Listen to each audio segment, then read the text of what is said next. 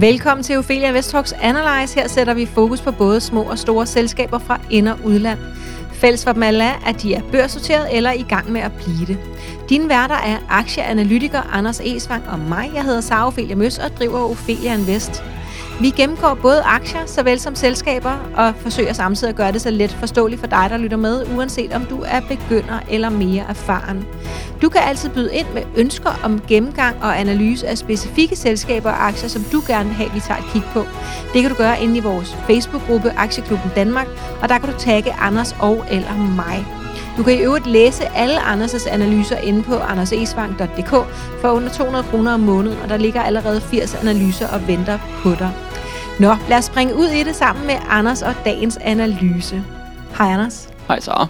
Sidst der snakkede vi jo om, hvad SAS som forretningsmodel egentlig går ud på. Øhm, hvis der er, der sidder og lytter med, hvis du ikke har hørt det afsnit, så kan du lige gøre det først. Øhm, men altså, hvis du har helt styr på SAS, så bliver endelig bare hængende med det samme. Anders, vi skal jo kigge lidt på nogle cases denne her gang. Øh, Decide Act, Consolidator og MPO, som alle tre er nye SAS-selskaber på børsen i Danmark. Men hvad er vigtigt, når vi kigger på de her danske SAS-virksomheder på, øh, på minibørserne, som er der, de tre selskaber er, og minibørserne i Danmark hedder Nasdaq First North og Spotlight Stock Market. Hvad er det, der er vigtigt, når vi kigger på, på selskaber på den børs, de børser? Jamen det vigtigste er jo altid ligesom med alle andre virksomheder, at vi, øh, at vi måler dem på de rigtige nøgletal. Øhm, så når det er en software as a service virksomhed, så skal vi vurdere, så skal vi vurdere dem ud fra deres software as a service nøgletal. Ah, det vi øh, snakkede om sidst, ja. ja yes, lige præcis. Deres særlige nøgletal. Ja. Ja, skal vi lige repetere, hvad det var, de hed? Kan du ja, det kan være, kan man sige, ARR, altså Annual Recurring Revenue. Det kan være churn, hvor gode er de til at fastholde deres kunder. Det kan være uplift, hvor gode er de til at lave mere salg eller opsalg til deres kunder. Så kan det være en samling af dem, altså Net Revenue Retention Rate.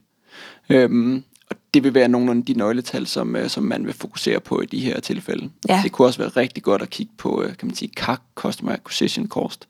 Men det er de færreste selskaber, som giver det nøgletal, fordi det kan være lidt en forretningshemmelighed, hvad, okay. hvad det ligger på. Okay. Og hvis du ikke helt øh, er med på, hvad de, hvad de betyder, øh, alle de der øh, forkortelser, så var det altså det, vi gennemgik i, øh, i, i sidste afsnit. Godt. Hvad er det så, der er vigtigt? Udover at øh, vi skal huske at sammenligne øh, de rigtige tal. Ja, så skal man også øh, kigge på, at mange af de selskaber, som øh, er på, på First North og på, på Spotlight, at det jo er mindre selskaber, og det er forholdsvis nye selskaber, hvis vi sammenligner med større software as a service virksomheder, eller C25 selskaber eller noget i den stil. Øhm, så en stor del af værdien ligger jo i de forventninger, de har til fremtiden. Øhm, så man køber sig ind i en vækstcase, fordi det er vækstbørser. Og så skal man jo være forberedt på, at virksomhederne ikke næste år vil præstere et overskud, fordi at de er i en vækstfase, og de vil bruge penge på at skabe den vækst. Ja, det vil de formentlig gøre i lang tid. Hvor lang tid kan vi forvente, øh, at der går, øh, før at, øh, at der kommer overskud i nogle helt nye SAS-virksomheder?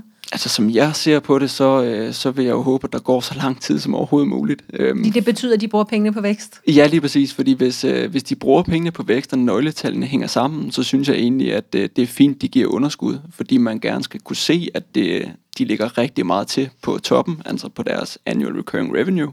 Og så lang tid de er rigtig gode til at lave uplift, og de er gode til at holde på deres kunder, jamen så skal de jo bare få så mange kunder ind som overhovedet muligt på så kort tid som muligt. Uanset om der er overskud eller underskud? Ja, hvis alle nøgletallene hænger sammen, så vil jeg egentlig sige, at, øh, at jeg vil håbe, at virksomhederne kan blive ved med at lave underskud i mange år. Fordi det betyder, at investorerne er villige til at blive ved med at støtte den vækst, som, øh, som de er inde i. Og det er klart, hvis nøgletallene lige pludselig begynder at halte lidt på nogle områder, jamen så skal virksomheden måske til at skifte fokus fra vækst til at skifte fokus til, til et overskudselement i stedet for. Mm, for at holde fast i investorerne på det tidspunkt. Ja, og så for at skrue lidt ned for væksten, men måske fokusere mere på, på uplift eller på at holde på deres kunder og blive bedre til det, mm. og balancere lidt mellem, øh, mellem vækst og overskud i stedet for. Ja, nu øh, sagde du noget med, at, øh, at der var forskel på de små SaaS-virksomheder og de store SaaS-virksomheder. Kan du nævne et par af de, øh, af de store software- og service-selskaber i verden, som, øh, som vi måske alle sammen kender? Jamen, vi har, øh, kan man sige, Adobe, der jo blandt andet laver Photoshop. Man har Microsoft, der også er en software a service virksomhed, der laver Microsoft Office og andre ting. Vi har Salesforce, som jeg tror, de fleste virksomheder kender, fordi de laver rigtig meget enterprise software og er en af verdens største software as service virksomheder. Okay. Øhm, Hvad er så øh, potentialet i de her selskaber? Jamen, I og med, at det er kan man sige, mindre virksomheder, som er i den tidlige fase, så er der jo ofte også et højere potentiale, skulle der jo gerne være, fordi man som investor tager en højere risiko så tidligt, jamen så vil der ofte også være et større langsigtet potentiale. Fordi hvis de når deres, øh, deres vækstmål, og hvis de kan holde fast i den her høje vækst i mange år, jamen så vil det i sidste ende jo betyde, at de gerne skulle kunne levere et højt overskud, når vi går mange år frem i tiden. Men Hvad mange år? Ja, men det er måske, øh, kan man sige, fem år, ti år frem i tiden. Altså, så skulle vi gerne se, at virksomhederne kunne levere et, øh, et højt overskud. Men det kan sagtens tage, tage mange år, for man kommer der til, og det skal man jo være forberedt på. Så, så den her type aktier, det er sådan nogle, som man skal købe og så øh, lægge i skuffen og øh, tage frem om 5-10 år, og så er de enten gået konkurs, eller så går det rigtig godt. Ja, og Eller så, så skulle man jo, kan man sige, så skulle man jo gerne stole på de virksomheder, man køber sig ind i, at ledelsen kan se, om, øh, om væksten følger det, den skal. Og hvis den ikke følger det, den skal, jamen, så skal de måske skrue ned for vækstforventningerne øh, og blive bedre til at, at drifte selskabet. Så øh, man skal jo også gerne købe sig ind i en case, som man tænker, man forstår, og man, øh, at man stoler på, på den ledelse, der Anders, ligesom jeg er ikke sikker på, at der er mange af os øh, helt øh, almindelige dødelige her, der forstår, sådan virkelig forstår, hverken SaaS-modellen eller den type software, som de typisk sælger. Øh, nu dem som vi skal, dem, dem som vi kigger på i dag, sælger henholdsvis øh, øh, strategi, øh, at man når sine sin strategiske mål på et, et softwareprodukt. Øh, så er der noget øh, finansiel konsolidering, hvor at man kan øh, har forskellige datterselskaber, som man så ligesom kan samle, og så har de så er det nemmere at holde styr på alle tallene for dem, der sidder og skal kigge øh, op, altså koncernen. Øhm, og, og så noget, noget, som er måske det mest svære at forstå af alt, nemlig compliance, øh, som betyder, at, øh, at der er en masse regler, som man skal overholde, en masse øh, aftaler, man, man skal overholde, og, øhm, og det skal man så holde styr på, og det her, der er så lavet noget software. Så øh, både produkterne og hele modellen er ikke lige til højre benet, Anders. Øhm, Nej. og nu siger du så, at det er vigtigt, at vi forstår det. Øhm, kan vi bløde den lidt op, sådan så vi andre også kan være med, hvis vi vil?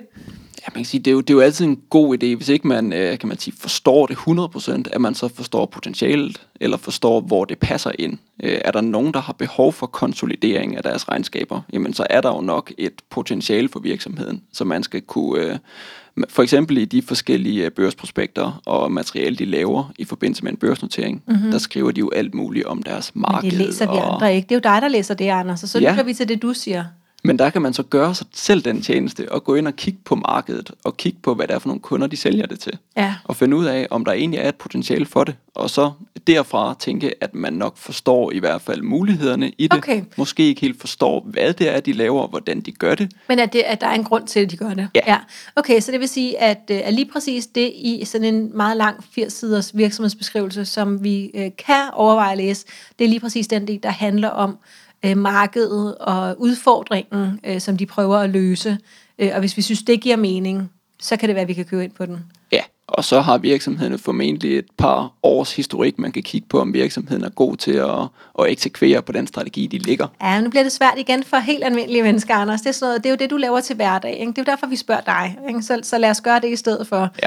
Øhm, jeg, jeg hører, at, øh, at der er noget potentiale, hvis vi kommer til det. Jeg vil måske godt lige kort vende det der med risikoen, øhm, fordi nu, øh, og det har jeg jo øh, ligesom mange andre, øhm, jo øh, ligesom stillet mange af de her børsnoteringer frem i lyset. Øh, og jeg synes, der er mange gode grunde til at støtte op om, øh, om lad os bare sige dansk erhverv på den måde, som en børsnotering er.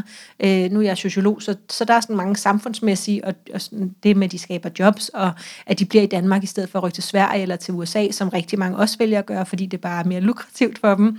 Så jeg synes, vi skal støtte dem, der bliver herhjemme. Når det er sagt, så er der jo meget større øh, risiko ved at investere i de her øh, små cases, end i øh, nu vil jeg sige Novo Nordisk, øh, Novo Nordisk og Vestas, men lige præcis de to selskaber har faktisk svinget meget over de sidste 10 år. Så, øh, så måske ikke lige de to, men, øh, men andre større selskaber. Øhm, jeg har hørt mange omtale øh, de her, nu sagde du også lige, at det er jo vækstbørser. Øhm, jeg synes, der er en del, der begynder at snakke om det her med, eller huske os andre på, at det jo er ligesom venturekapital. Øh, og, øh, og kan du ikke lige prøve at kort for, forklare lidt om risikoen og minibørserne og sammenligningen til, til venturekapital? Jo, øh, og det er helt rigtigt, at der er jo en langt større risiko, når man er investerer i virksomheder, som er tidligere på den, og har lavere omsætning og ikke lavere overskud i dag, fordi at man, som sagt, køber sig ind i en virksomhed, der skal gøre det i fremtiden. Øhm, kan man sige, venturekapital betyder jo, at man køber sig ind i virksomhed tidligt i fasen. Man støtter en vækstrejse og giver vækstkapital til en virksomhed. Og det vil være business angels, kalder det man vil dem være business angels eller øh, kan man sige en venturekapitalfond, der Ja. udelukkende investerer i de her virksomheder, som skal ud på en videre vækstrejse fremad. Ja, og der er man nemlig forberedt på, at et ret stort antal af dem vil gå konkurs, men at der så vil være nogle af de andre, der laver raketten. Ja, lige Så man præcis. køber bredt ind, og så håber man, at øh, ja, nogen går konkurs, men det bliver opvejet af dem, der laver raketten. Ja, man kan næsten se på alle, kan man sige, venturekapitalfonde, at deres afkast er skabt af en meget lille del af, af de investeringer, de laver. Ja. Øhm, så de tjener jo pengene på måske en eller to ud af en 10-20 investeringer, de laver. Ja, og det er måske svært for os private investorer helt at øhm, sådan få, øh, få hovedet omkring, ikke? Altså at, at vi skal lave 20 investeringer, så er der måske to af dem, der klarer det rigtig godt, mens at resten ender med ikke at være interessante. Det er ja. Meget øh, ulige, hvordan at øh, vi forholder os til de øvrige aktier i porteføljen. Ja, man kan sige specielt som, som privat, hvis ikke man bruger tid på at kigge et prospekt igennem, og hvis ikke man bruger tid på at lave forskellige beregninger eller noget af den stil, jamen så er det jo vigtigt, at man spreder sin risiko. Ja. Fordi så, ellers så har man ikke mulighed for at vurdere, hvilke af de cases, der vil ende med at være gode. Hvor mange af de her, øh, af de her små øh, selskaber øh, har du igennem dit analyseapparat? Jeg udvælger altid nogle stykker, som jeg mener er, er interessante at kigge på, og som har en, øh, en case, der hænger sammen. Øhm, så jeg har analyseret en, øh, en 10 stykker af de, øh, af de mindre øh, virksomheder, der Og der er cirka på de her. 40. Ja. Så det er en 25 procent af dem, som, som du tænker, det her kunne godt være spændende. Ja, og Kunne så ud fra dem er det jo kun øh, kan man sige, en 5-6 af dem, jeg måske ender med i sidste ende at investere i. Selv. Ja, Ja. Øh, og alle analyserne kan man læse ind hos dig, ikke? jo, det kan man. Ja. Øhm, okay, fordi jeg tænker, at jeg skal ikke i gang med at analysere noget. Jeg tænker, der er rigtig mange, der heller ikke har lyst til at analysere noget selv, men, men måske godt kan se fornuften i, at, øhm, at der er nogle andre, der lige har kigget tallene igennem. Vil du så vurdere, at, øh, at de tre fjerdedele, du ikke undersøger, kan der ikke ligge noget guld der? Det kan der sagtens. Okay. Der kan ligge rigtig meget guld i det, men det er bare ikke sikkert, at jeg forstår casen. og Ah, hvis ikke jeg så forstår det så, det. øh, så kan jeg simpelthen ikke investere i det. Modtaget. Det giver rigtig god mening. Øhm, hvad er udfordringerne, når vi ser på de her SAS-selskaber på, øh, på minibørserne? Udfordringen er typisk, at, øh, kan man sige, at når jeg siger, at vi skal måle virksomhederne på deres rette nøgletal, jamen så kræver det også, at virksomheden ligesom leverer de nøgletal. Øhm, og i og med, at nogle af dem er meget tidligt på den, og nogle af dem øh, viser heller ikke alle nøgletal, så kan det være svært at, at vurdere. Øhm, fordi vi har en, en række forskellige nøgletal, der skal bruges, og nogle af dem viser må, måske kun en, en to-tre stykker af dem. Og så kan det være svært sådan at, at samle det reelle overblik over, om, øh, om det er en effektiv model, de har. Klart. Det er ligesom, øh, jeg sidder og tænker på et godt eksempel, hvis, hvis man nu får vist øh, fire dele af en bil, men ikke de sidste seks, og så skulle vurdu- vurdere, om det er en flot bil. Du ja. Kan se den her dør, og de her to dæk, øh, og så bagsmækken, øh, og måske lige kølergitteret. Ja. Er den flot?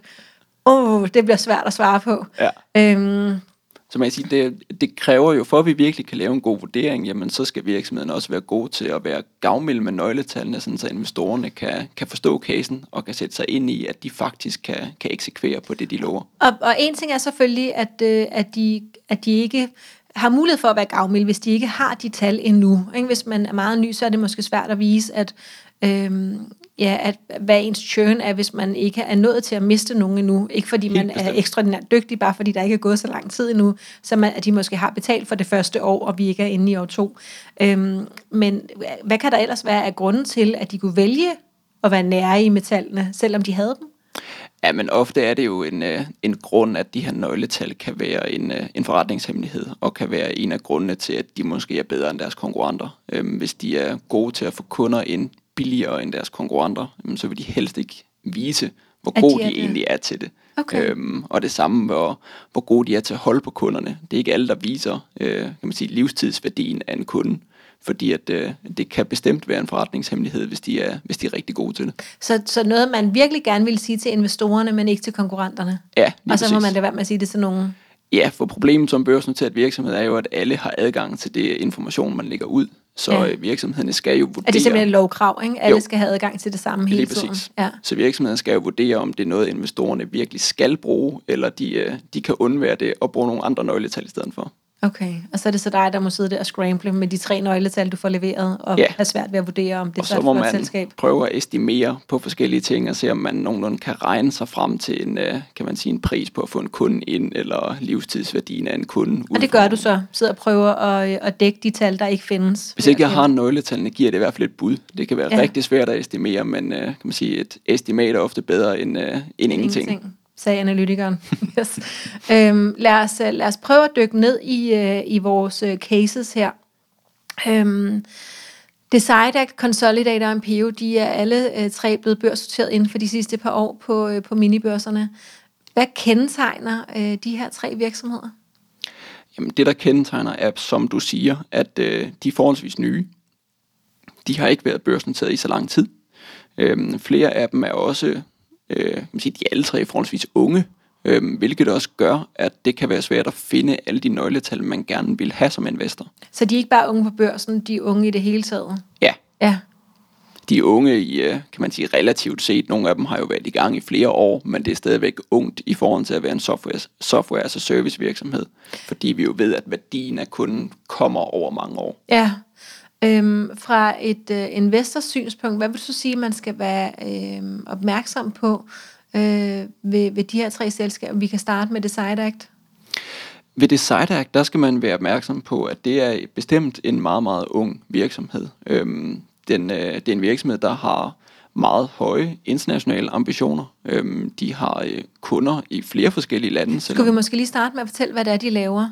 Ja, det Ja. kan vi godt. Ja, Øh, man kan sige, Decidac, det er dem, der laver en øh, software til at, øh, at sørge for, at virksomheden når de strategier, de lægger. ja. Øhm, For det er faktisk et kæmpe problem. Jeg kan huske, at øh, vi, vi lavede noget event med dem, da de gik på børsen, øh, og det var sådan helt sindssygt tal, at øh, altså nærmest alle de planer, der bliver lagt, ikke bliver fuldt op på, og ikke når i mål. Og øh, nu ved jeg ikke, om jeg decideret kan kende det fra min egen virksomhed. Vi har jo også gang i mange ting øh, i Ophelia Invest.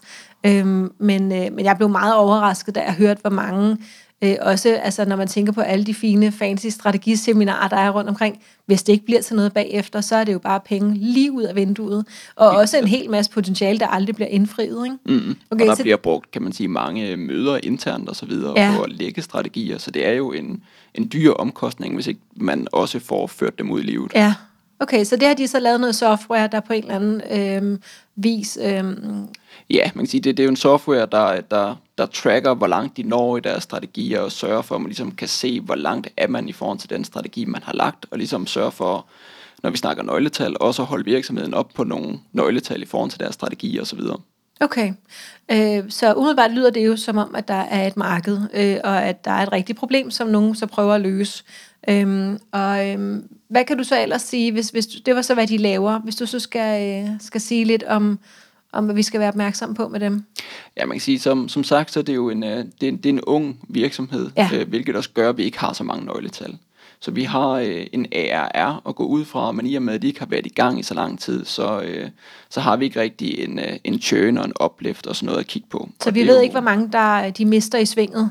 Nej, fordi det er klart, når man, når man er ung, så skulle man helst ikke miste så mange virksomheder, Helst eller så bare hive ind. kunder i starten. Ja. Ja. Ja, så de, de fokuserer jo øh, på at få kunder ind i øh, forretningen, hvilket giver god mening i den fase, de er i. Ja, Øhm, og som sagt, det er, det er en virksomhed, som har, øh, som har ret høje internationale ambitioner, Ja. og derfor har de fra start af egentlig også været internationalt præget, at de ikke fokuserer ikke kun på at få kunder i et bestemt land, men de har egentlig, selvom de ikke har så mange kunder i dag, så har de kunder i mange forskellige lande. ja. Okay, Øhm, så de har foden er- indenfor i mange lande. Ja, det er egentlig ret unikt i forhold til mange andre øh, virksomheder, som ofte tager et land ad gangen for ligesom at, at fokusere øhm, og øh, tage Danmark og så Sverige og så Ja. Norge eller noget i den stil. Ja, øhm, og de har også kontor i USA, Ja, er jeg ret sikker på, ikke? jo, Øh, og de så har lidt- kanadiske kunder, hvis jeg ikke uh, tager helt Ja, fejl. og så lille fun fact, så har de jo faktisk hovedkvarter på Bornholm. Sådan. Ja, øhm, og det er jo øh, ikke, øh, jeg, jeg tror ikke, der er andre børssorterede selskaber, der sådan huserer på, øh, på Bornholm. Nej, det tror jeg faktisk heller ikke. Nej, så, øh, så det er lidt skægt, at øh, ja, Og til det site kan man også sige, at øh, når man ser på deres værdisætning, så er de egentlig ikke voldsomt højt værdisat. Okay. Øhm, ofte, Og det er positivt? På, ja, det er, det er det kan være positivt. Det kan det være. Ja, Øh, man kan sige ofte, når vi kigger på software, altså service virksomheder, så vil man måle deres værdisætning op imod deres øh, ARR-vækst, mm-hmm. altså hvor, øh, hvor højt vækster den her annual recurring revenue. Øhm, I og med, at vi ikke har nogen ARR-vækst, så kan vi kun kigge på deres ARR. Og den øh, kan man sige, værdisætning ud fra deres ARR, de handler til, jamen der er den egentlig ikke voldsomt høj, fordi de skal nå en øh, vækst på cirka 35% øh, per år, som den ser ud lige nu i forhold til deres værdisætning. Mm-hmm. Og hvis de når deres, øh, deres målsætning, jamen så, øh, så er det egentlig ret lavt sat. Okay. Spørgsmålet er så, om de når deres målsætning. Det kan vi jo aldrig vide, fordi det er noget, der ligger ud i fremtiden. Ja. Og derfor så bliver 2021 her bliver jo et, øh, et vigtigt år på Decide Act, fordi vi ligesom skal, skal se, om de når de målsætninger, de satser, okay. da de bliver børsnoteret. Ja, det giver mening. Hvis vi så skal prøve at hoppe, øh, hoppe videre til, til næste selskab, så kan vi tage uh, Impeo. Øhm, og Impeo, de, øh, dem har vi også her i Ophelia Invest øhm, øh, haft noget, jeg tror vi lavede noget kun en podcast med dem, øh, i forbindelse med deres børsnotering, som var for ret nylig. Øhm, og de har jo, øh, og det er jo ikke fordi, at det er nogen øh, sag i sig selv, men de har jo den eneste kvindelige direktør af de her 40 selskaber på minibørserne. Øhm, og lad os håbe, det bare var den første af mange, øh, og igen, ikke at det skal handle om det. Øhm, Impeo, de laver jo det her, øh, det her med compliance, og compliance, det, jeg havde selv rigtig svært ved at forstå det, men, øh, men at være compliant betyder egentlig bare, at man overholder reglerne. øh, og der er rigtig mange regler for øh, rigtig mange selskaber. Øh, og det har de så lavet noget software, der holder styr på, at, øh, at virksomheder øh, får hjælp til at overholde alle reglerne og tracke, at der er styr på det hele, også når der kommer nye regler osv. Så, videre. så det er sådan, det er det MPO, de laver. Hvad skal vi være opmærksomme på hos dem? MPO er jo nok en af de sådan lidt mere interessante cases for sådan en som mig, der godt kan lide at kigge på nogle, på nogle nøgletal. Fordi har de, de tal? De egentlig har leveret nogle, nogle ja, tal, vi kan ja. kigge på. Øhm, og det gjorde de både i forbindelse med deres børsnotering, øh, men også de har for kort tid siden leveret øh, regnskab, hvor vi også fik nogle, nogle tal på, hvordan de egentlig klarer sig. Øhm, Hvorfor så, er de så gavmilde med tallene? Har de, de nok, eksisteret længere? Kan man sige, de er nok lidt mere modne, end Desired Act er. Okay. Øhm, de er lidt længere fremme, altså har været i gang i, i længere tid, og har, øh, har flere kunder, og dermed også øh, flere tal, de kan levere på, ja. naturligt nok. Ja, og de har ret mange øh, store, øh, store ja, selskaber de har øh, mange rigtig store øh, ja. virksomheder som kunder, øh, hvilket også gør, at der formentlig ligger et ret stort opsalgspotentiale i ja. deres øh, kundeportefølje. Øhm, fordi, ja, fordi det er så store kunder, de har. Ja, fordi hvis man som, øh, som virksomhed skal teste et nyt software, altså serviceprodukt af, så gør man det måske i en afdeling eller hos nogle medarbejdere. Hvis det så virker, så kan man købe med flere og flere flere licenser ind til virksomheden. Ja, det er det, det, er, med det, det er en meget naturlig måde at starte ja. ud med en ja. ny øh, software as a service løsning på, at man starter i en afdeling eller starter et mindre sted, og hvis det virker, så udvider man stille og roligt til, til flere og flere dele af virksomheden. Ja. Øhm, og i og med, at det er så store kunder, de har, så vil der formentlig være et potentiale til at udvide den løsning til flere ja. og flere dele af, af de forskellige virksomheder. Kan, kan du huske et par af kunderne? Og jeg kan ikke uh, på det, det kan være, jeg kan, jeg kan huske jeg kan Novo Nordisk, uh, Mærsk okay, og den. Siemens faktisk også. ja. Ja. Ja, okay. Så det er jo det, var øh, det er store kunder, ja. de har. Ja, og det er også, øh, de har både fra ind- og udland. Siemens er, er ikke et dansk selskab. Så, Nej, det er det ikke. Ja, så, øhm, de så ja, de har også, hvilket de jo nok også skal have, fordi det er så store kunder. Ja. Øhm, så det er jo begrænset, hvor mange kunder der er igennem i Danmark. C25. Ja, ja, det er man. Øhm, så faktisk både Decide Act og MPU øh, har kunder fra hele verden. Ja, MPU ja. er en lille smule mere fokuseret, kan man sige. De har nogle geografiske områder, øhm, som de fokuserer mere på. Er det Europa? Det er, kan man sige, Europa, altså øh, Tyskland og, og Danmark og hele den her DAC-region, som de, øh, som de selv fokuserer på. DAC? Ja, nu kan jeg ikke huske det 100%, hvad det er DAC Er det en lille del af Europa? Ja, det, det, det er en mindre være. del af Europa, altså ja. Tyskland, og jeg mener også, det er Holland og Belgien og de lande, der, okay. der er med i det. Okay, og den store klump dernede i midten? Ja. Yes, altid også. Øhm, Okay, og, og hvad skal vi så være opmærksom på med dem, når vi sidder som privatinvestor og overvejer at, at købe ind der? Jamen det man kan sige ved, ved MPO, hvis vi tager deres seneste øh, kvartalsrapport, øh, deres halvårsregnskab for 2021, der leverede de en øh, vækst på 44% i ARR. Øhm, men de leverede kun en opsalg, øh, eller et opsalg på 8%. Det vil sige, at de fik rigtig mange nye kunder ind, men lavede ikke så meget opsalg på deres eksisterende kunder. Siger det noget om, hvad de fokuserer på i øjeblikket? Øhm, Ja, det, det ser noget om, øh, om deres fokus, at de fokuserer på øh, kan man sige, udvidelse, få flere og flere kunder ind, mm. hvilket giver rigtig god mening, når man er, er mindre eller, eller nyere virksomhed. At og de du- er stadig nye, selvom at de er ældre end Decidex, så er de stadig nye. Ja, Ja. Øh, specielt også hvis vi, hvis vi spørger ledelsen, tror jeg også, at de forventer at være i markedet i rigtig mange år fremad, så de er stadigvæk nye i forhold til den rejse, de er på. Ja, Øhm, samtidig så havde de en churn på omkring øh, 2%, hvilket er, er et flot øh, tal. Så den det var kun, over kanten. lige præcis, Yes. det var kun 2% af de eksisterende kunder, der, der forsvandt. Øhm, og i og med, at de opsolgte skaffede- 8%, jamen så har de egentlig en positiv net retention rate.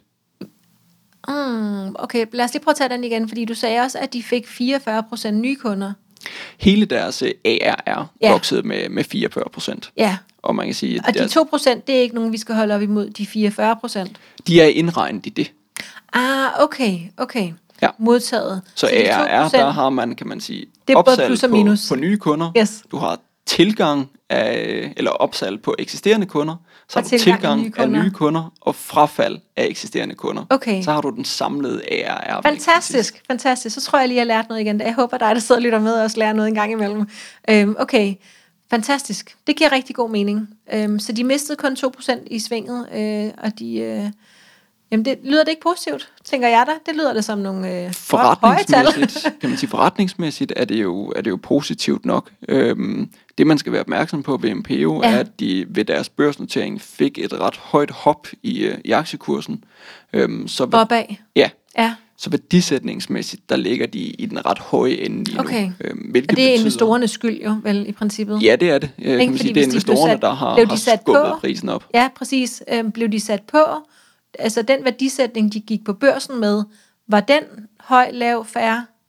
Øh, Den var egentlig reel nok i forhold til, øh, kan man sige, de nøgletal, de havde leveret. Ja. Der, der lå de fint. Og så var det bare investorerne, altså alle os private investorer, der har presset prisen op, uden Ja. at tænke over det. Der var bare mange, der gerne ville være med. Ja. Øh, så den har fået et højt øh, hop op, og nu er den så i den høje ende øh, i forhold til værdisætning. Nu er den i den høje ende, og det betyder jo, at de, de skal nå de målsætninger, de har lagt sig. De skal gøre det, de siger, de vil gøre. Ja, det skal de. Det er Så jo det- generelt en vigtig ting, ikke? at man gør det, man siger, man vil gøre. Det, det kan være sværere eller vigtigt, lettere. Men øh, kan man sige, det er generelt også ret, øh, ret rart, at man har lidt øh, margin at gøre Ja, godt med. At ja, du ligesom kan, kan afvige en lille bit. Ja. Og de ligger Det er der bare... ikke så meget plads til. nej, der, deres værdisætning betyder, at de, de skal nå det, de siger. Okay. Øh, og hvad, har, har du et bud på, om de gør det? Det er gratis bud. Vi, vi kan tjekke ind igen om et halvt år, se om, øh, hvad der altså, skete. når, når jeg selv laver analyser, og når jeg selv investerer i virksomheder, så indregner jeg altid den her margin her. Så jeg tror egentlig ikke på, at der er nogen virksomheder, der når deres Okay. mål. Øh, okay. Og det er ikke, de har brug jeg for ikke- snoren. Ja, det er Ja. ikke fordi, jeg ikke tror på ledelsen, eller ikke tror Nej. på, at de når, hvad de gør. Det er bare fordi, at jeg ved, at det kan skeptisk. være rigtig, rigtig svært at Ja. forudsige, hvad man vil nå inden for tre eller fem år. Ja. Så det er, Nærmest det er ret rart, at man, at man har lidt at gøre godt med. Ja, okay. Og det er der ikke så meget plads til hos dem. Nej, det er der Okay. desværre ikke. Så, så det positive er, at, øh, at de har øh, mange kunder, de er gode til at skaffe nye kunder, store kunder, der er potentiale, tænker jeg, for rigtig meget opsalg senere, når det er, at de begynder at fokusere på det i stedet for, så er der mange, de kan opsælge til. Ja. Øh, og måske sker det vel også helt naturligt, når selskaberne, som, altså deres kunder bliver glade for produktet, at de så automatisk køber mere, uden at det bliver stoppet ned i halsen på dem. Ja, det vil jeg helt sikkert sige, at øh, kan man sige, det interessante ved MPO, efter min vurdering, er nok det her opsalgspotentiale. Ja. I og med, at det er så store kunder, at Ja. der, der vil jeg mene, at i fremtiden vil der formentlig være et ret stort potentiale her. Ja, okay. Og så noget andet interessant er jo, at øh, Rikke Skov, øh, hun er i øh, bestyrelsen ved, ved Peneo, der også er en børsnoteret software as a service virksomhed, som er en virkelig øh, god case øh, Ja. mål på nøgletal. Ja, Så jeg tænker, at, øh, der har hun at lidt det, indsigt i tingene det, der. det er et ret godt sted at være i bestyrelsen, hvor Ja. man kan lære noget af en virksomhed, der har været børsnoteret i flere år, øhm, og som har nogle. Øh, ja, og som er gavmild med tallene, så hun har en, en god Det er måske indsigt derfor, i de også er gavmilde med tallene. Det tænker jeg, at, at de øh, inspirerer hinanden. at de har fået noget inspiration derfra. Lad os herfra opfordre dem alle sammen til at være gavmilde med tallene, medmindre det vidderligt går ud over deres øh, konkurrenceevne, fordi det vil Ja. jo også være dårligt for investorerne. Ja, bestemt. Vi skal også nå at runde uh, Consolidator, og tiden flyver her. Så um, Consolidator, det er jo uh, tre uh, CFO'er, der er gået sammen om at skabe et redskab til andre CFO'er. Øhm, og sådan som jeg har fået det forklaret, jeg har fået det forklaret af den søde øh, Claus Vindrup Grove, der er CEO et par gange, og jeg tror, jeg har forstået det nu.